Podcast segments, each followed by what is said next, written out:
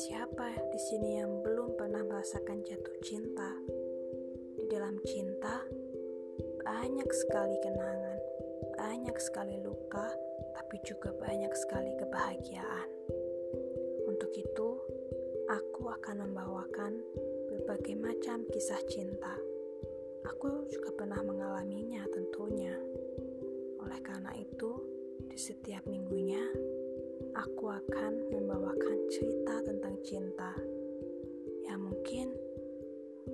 berbagai pengalamanku tentang cinta, aku yakin bahwa kita bisa bersatu dengan cinta.